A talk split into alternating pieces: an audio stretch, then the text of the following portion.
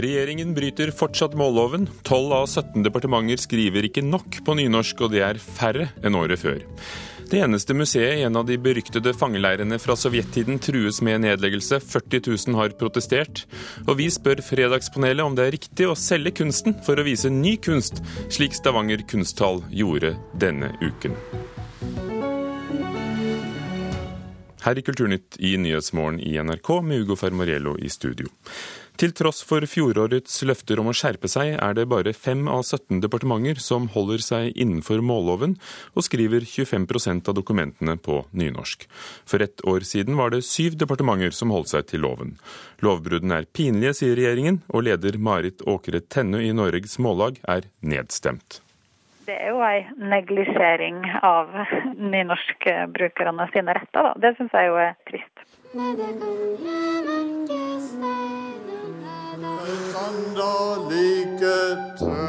De gamle fjelli av nynorskgrunnlegger Ivar Aasen fikk sin egen folkelige musikkvideo i språkåret 2013. Året der nynorsken skulle styrkast, dyrkast og hyllast. Samme året brøt 12 av 17 departement si egen mållov. Bare fem departement greide å skrive minst 25% nynorsk, syner deres egen statistikk. Det er alvorlig, det er ikke bra. Bjørgulv Vinje Borgundvåg fra Høyre er statssekretær i Kulturdepartementet. Det er de som er ansvarlige for nynorsken og mållova.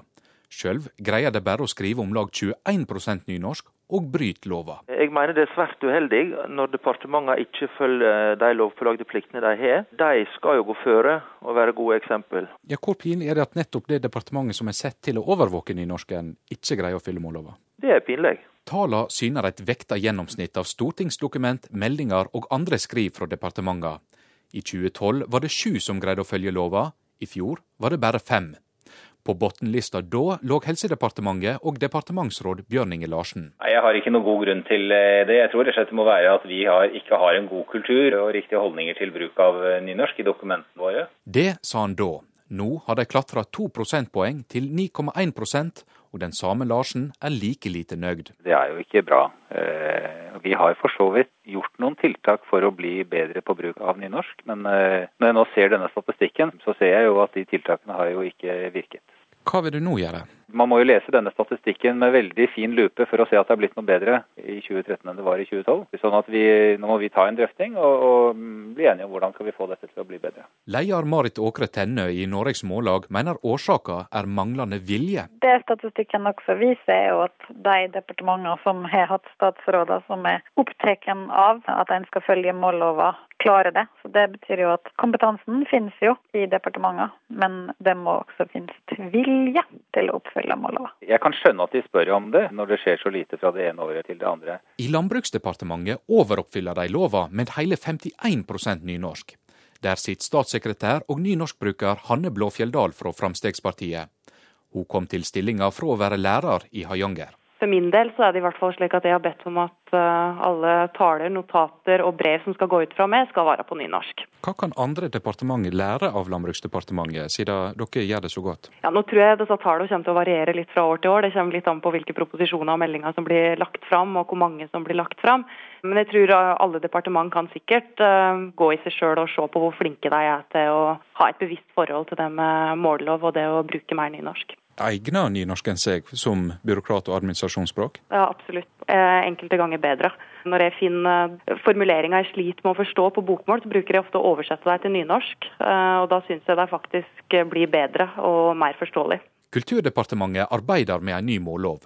Statssekretær Vinje Borgundvåg kan ikke fortelle innholdet, men han lover å stramme opp sine regjeringskollegaer. Vi skal jobbe hardt og, og, og, ta tak i dette med de andre departementene og understreke at det er ikke valgfritt å oppfylle denne lova, det er noe en skal gjøre. Reporter her var Erlend Blåli Åleide.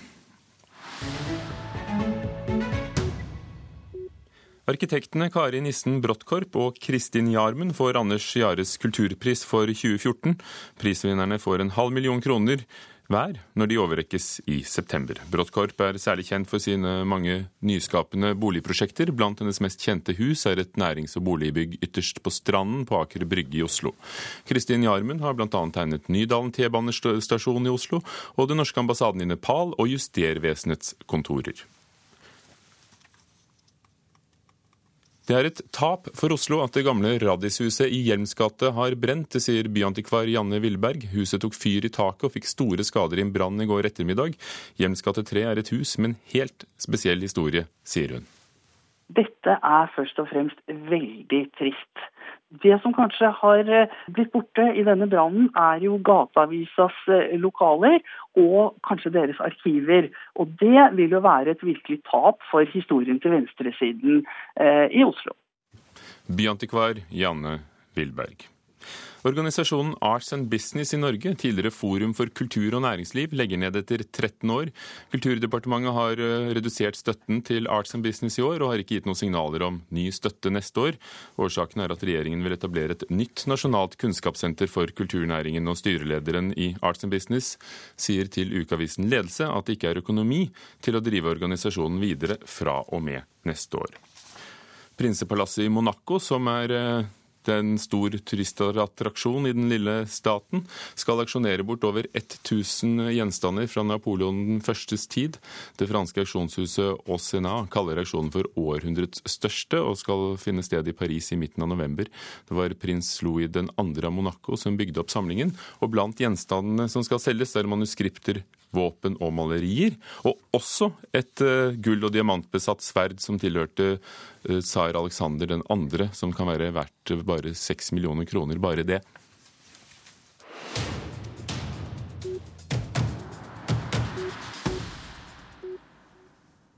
I Russland trues Perm 36-museet ved perm av nedleggelse, og de ansatte er permittert på ubestemt tid. Museet befinner seg i en av Russlands mest beryktede arbeidsleire fra sovjettiden, som ble stengt så sent som på 1980-tallet.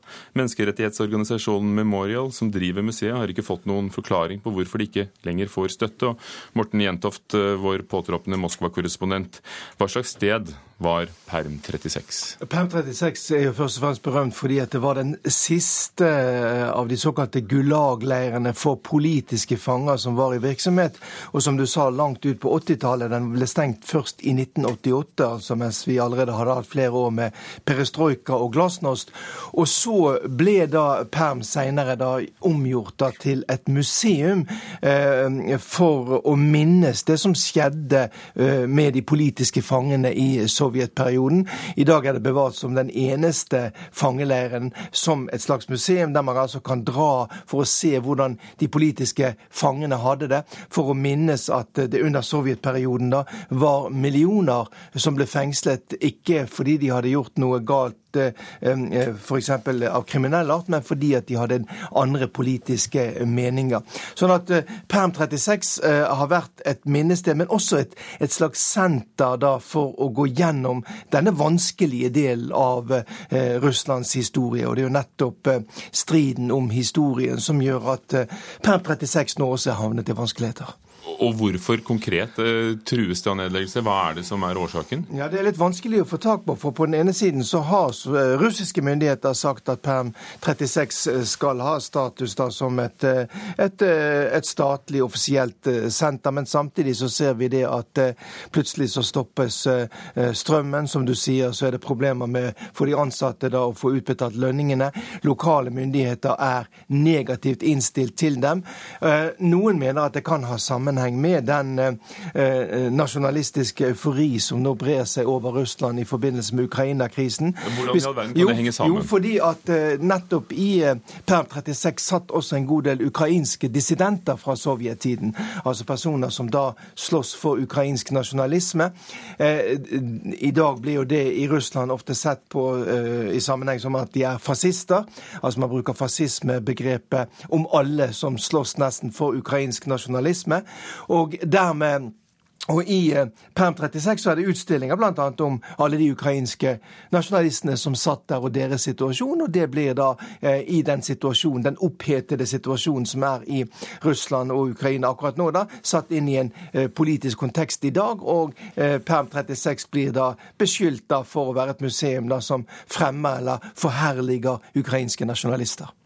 Så hva er det som driver de 40 000 protestantene som har skrevet under på et opprop til støtte for museet? Er, det det konflikten med Ukraina, eller, eller, er det frykten for det noen sier, at dette var her vi skulle vise oss at vi hadde lagt sovjettiden bak oss? Ja, Det er selvfølgelig det siste først og fremst, da, fordi at uh, man er redd for at uh, man ved å, å, skape problemer for uh, Perm 36 Det finnes forresten også et gulag, lite Gulag-museum i sentrum av Moskva, for de som er interessert i det. Kanskje litt lettere tilgjengelig. Man ønsker selvfølgelig selvfølgelig å bruke disse institusjonene da, for å fortelle om en vanskelig del av Russlands historie. Man mener at hvis Russland fornekter denne delen av sin historie, ikke diskuterer disse tingene her, ja, så har man problemer med å gå videre og utvikle et mer sivilisert samfunn. Er det tegn på at de vil fornekte det? Russiske ja, det myndigheter? det er det jo i høyeste grad. Eh, minnene om eh, det som skjedde under Stalin-forfølgelsene. Eh, de blir mer eller mindre utvisket i nyere historiebøker. Vi ser at minnemarkeringer for ofrene for Stalin-tiden de får en stadig lavere profil i det russiske samfunnet, selv om vi vet at millioner på millioner mistet livet i Stalin-forfølgelsene og i fangeleirene. Så blir da dette nesten utvisket i, i russisk historie. Takk, Morten Jentoft. Vi skal til Paris. Anna Eva Bergman er blitt en mer og mer kjent eh, kunstner de siste årene. Nå har eh, Galleri Poggi i den franske hovedstaden en salgsutstilling med bilder fra tiden 1977 til 87. Og interessen for norsk kunst er økende, sier ledelsen for stiftelsen, som eh, forvalter Bergmans kunst. La venue de Munch, il y a un intérêt pour la scène contemporaine norvégienne, des artistes norvégiens. Det finns ett växande intresse för den norska konstscenen sedan den stora Munch-utstillingen i Paris året. Anna-Eva Bergman och andra norska konstnärer uttrycker naturen på ett så fascinerande vis och just det lockar den franska publiken. Det säger Christine Lamotte, konservator vid Fondation Hartung Bergman. Och norsk-franska besökaren Anne de Brizis bosatt i Paris, forklarer franskmennenes brinnende behov av naturen så her. Jeg tror det er naturen som fascinerer oss, fordi vi lever så veldig innestengt på en måte, fullt av andre ting. Jeg alltid leter etter himmelen i Hele tiden er jeg, ser her i Paris? Ja, her i Paris særlig. Vi trenger å drømme oss vekk på en måte, og det gjør vi, syns jeg, der. Det er ikke første gangen som galleriet Jérôme Poggi steller ut konst av Anna Eva Bergman. Han har gjort det tidligere. Men denne gangen, når et femtontal av hennes verk selges her, følges utställningen även upp med en debatt på norska ambassaden og visning av en dokumentärfilm om hennes liv. I går var det vernissage med et hundratal inbjudna gjester som journalister, konsthistoriker, diplomatfolk og venner til galleriägaren. Utställningen öppnas på måndag for allmänheten og holder på enda fram til den 23 augusti i sommar.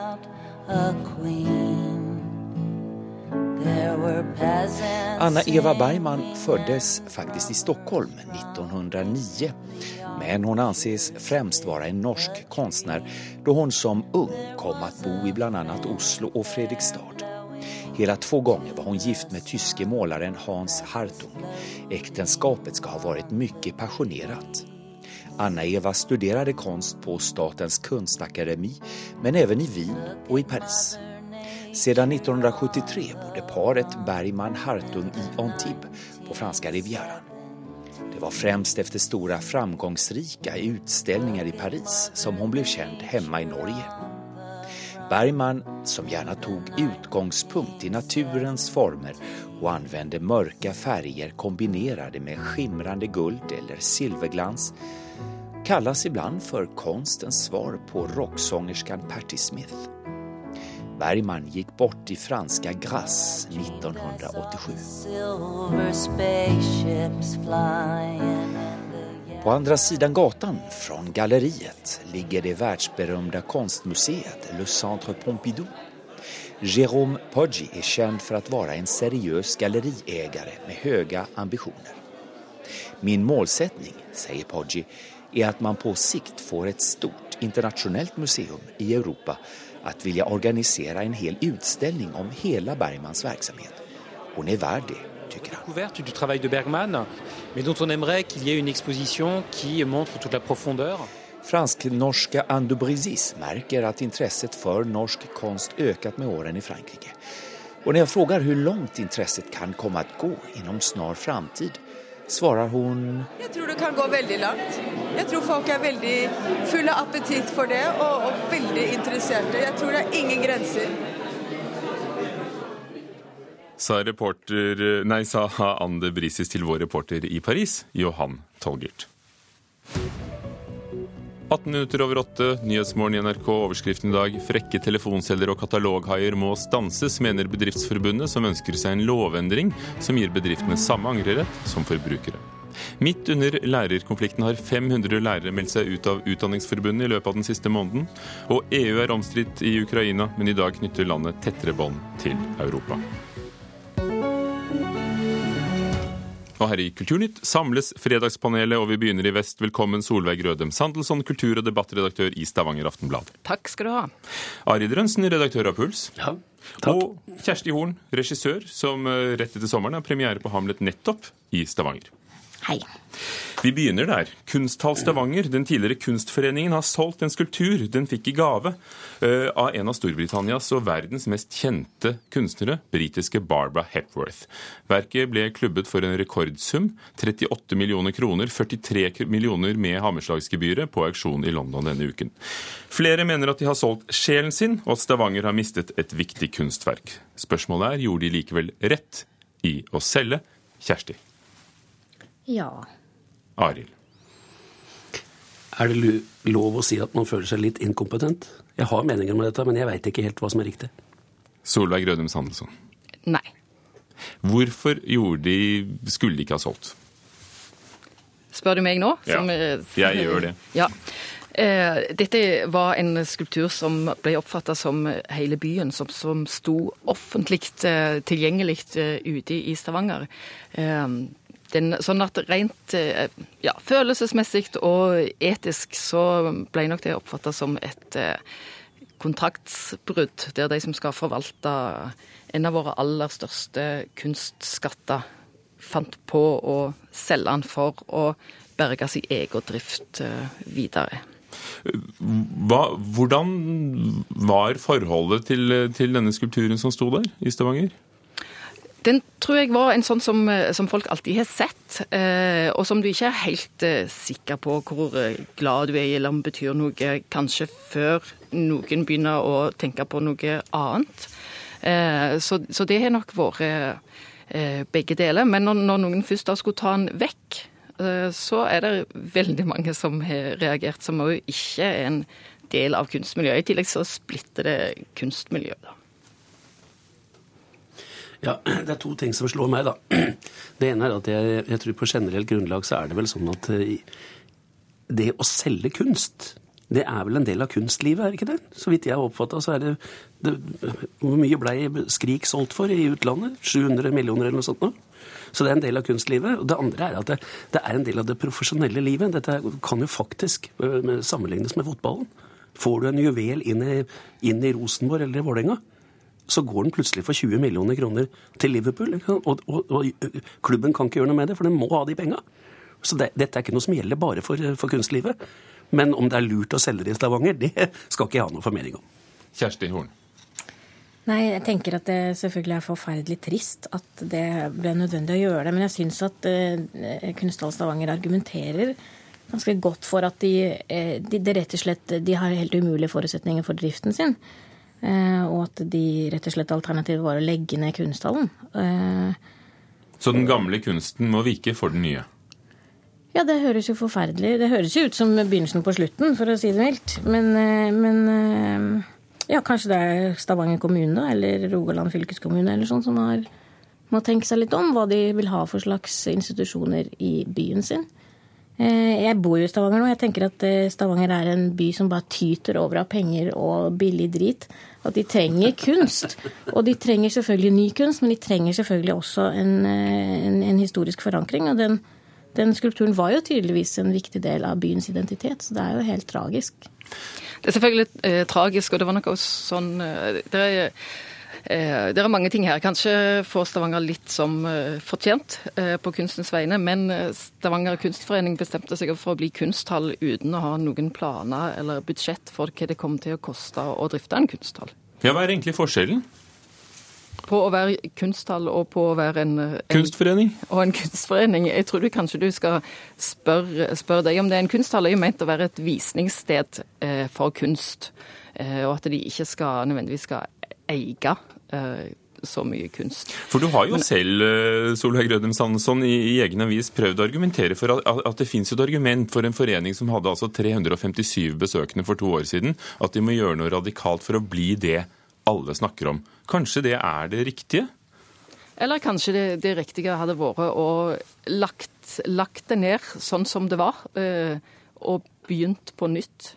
Eh, det er jo et alternativ. Her setter en opp en kunsthall som hadde drevet i fire-fem måneder, mot en statue som var den eneste av modernisten Hepworth i Norge, og som sto offentlig tilgjengelig, og som altså var verdt 43 millioner. Det er, det er ganske drygt å prøve å selge inn den.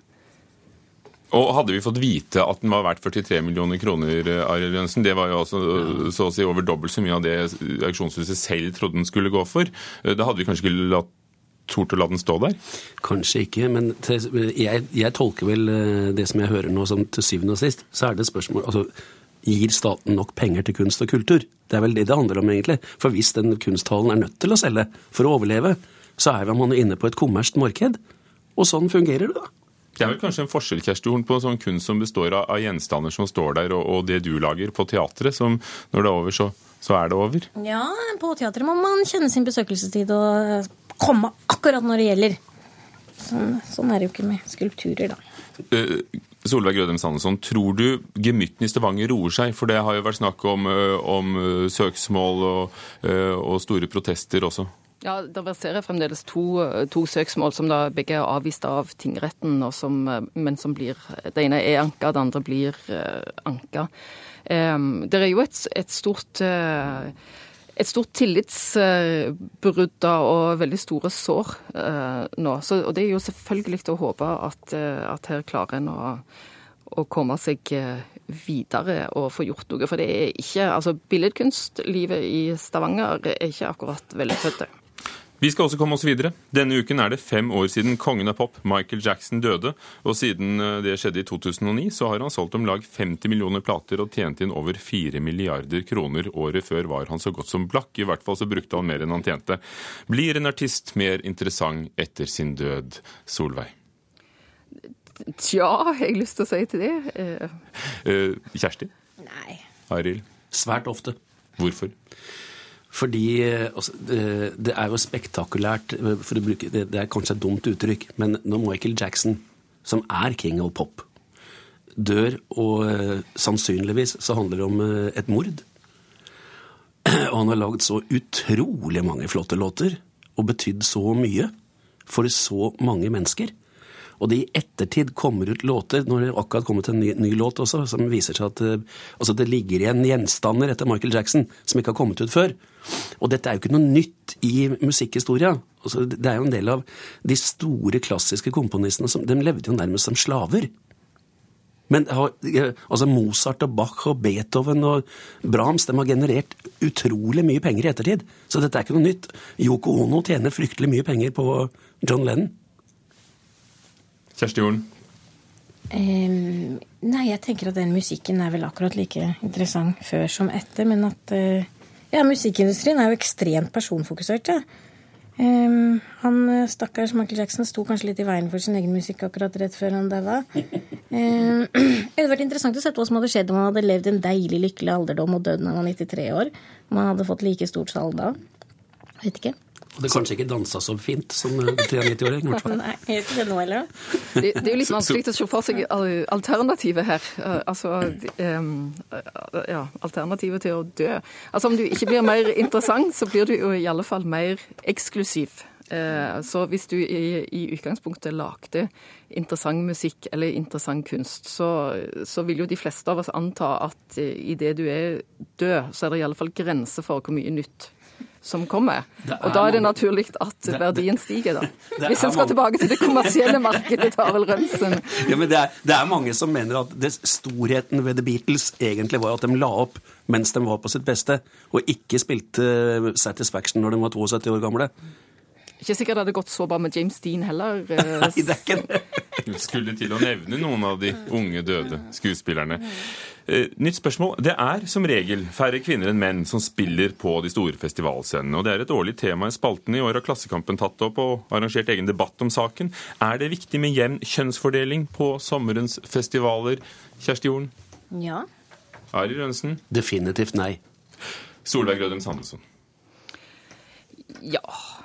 Fatt deg i korthet og fortell oss hvorfor, er du snill. Det er Altså, de, de, unge jentene som skal begynne å spille, må skjønne at det går an. Og da er du nødt til å se de rollemodellene som finnes. Så en er nødt til å jobbe litt hardere og tenke litt flere runder for å være sikker på at en i alle fall får med seg alle damene. Det er noe med høna og egg her. Og da kan du komme med malurten din, Arild Ransen. Ja, nei, altså, dette tror jeg Det, det vrimler av veldig mange gode kvinnelige artister. Eh, og de kommer på scenen, de som blir enere. Men det er sånn, faktisk Jeg har ikke forska på det, og jeg skulle ønske noen gjorde det. Men det er sånn at jeg tipper at for hver uh, jente som driver og spiller og øver rocken, med, i rock'n'roll, så er det ti gutter. Og da ville det være helt unaturlig om det var 50% jenter på festivalene. Og det har ikke noe med kvaliteten på enerne, for de kommer fram uansett. Kjersti Horn. Hvorfor kommer ikke de jentene fram, da? Altså... Det, er, det, er, jo det de gjør. Men det er altfor få jenter som gidder å, å, dedikere seg så til de grader til musikken som gutta gjør. Som, som sitter kanskje bruker mindre tid på å skrive søknader til Kulturrådet. Nei, og som, og som, ø, som sitter og øver og spiller gitar. Altså, Keith, Keith, Richard, Keith, Richards og, og, Bruce Springsteen fikk begge beskjed av faren sin om at de måtte finne på noe som kunne skaffe inntekter, ikke bare sette og spille gitar. Kjersti, du får siste ordet. Jeg syns det er helt fucka. Jeg syns musikkbransjen virker helt fucka når det gjelder kjønnsfordeling. Der har vi, vi siste stikkord. Takk skal dere ha, Fredagspanel Arild Rønsen, Kjersti Horn og Solveig Rønnes Sandelsson. Kulturnytt ba ved Hans Ole Hummelvold, Ugo Fermariello og produsent var Espen Alnes. Hør flere podkaster på nrk.no podkast.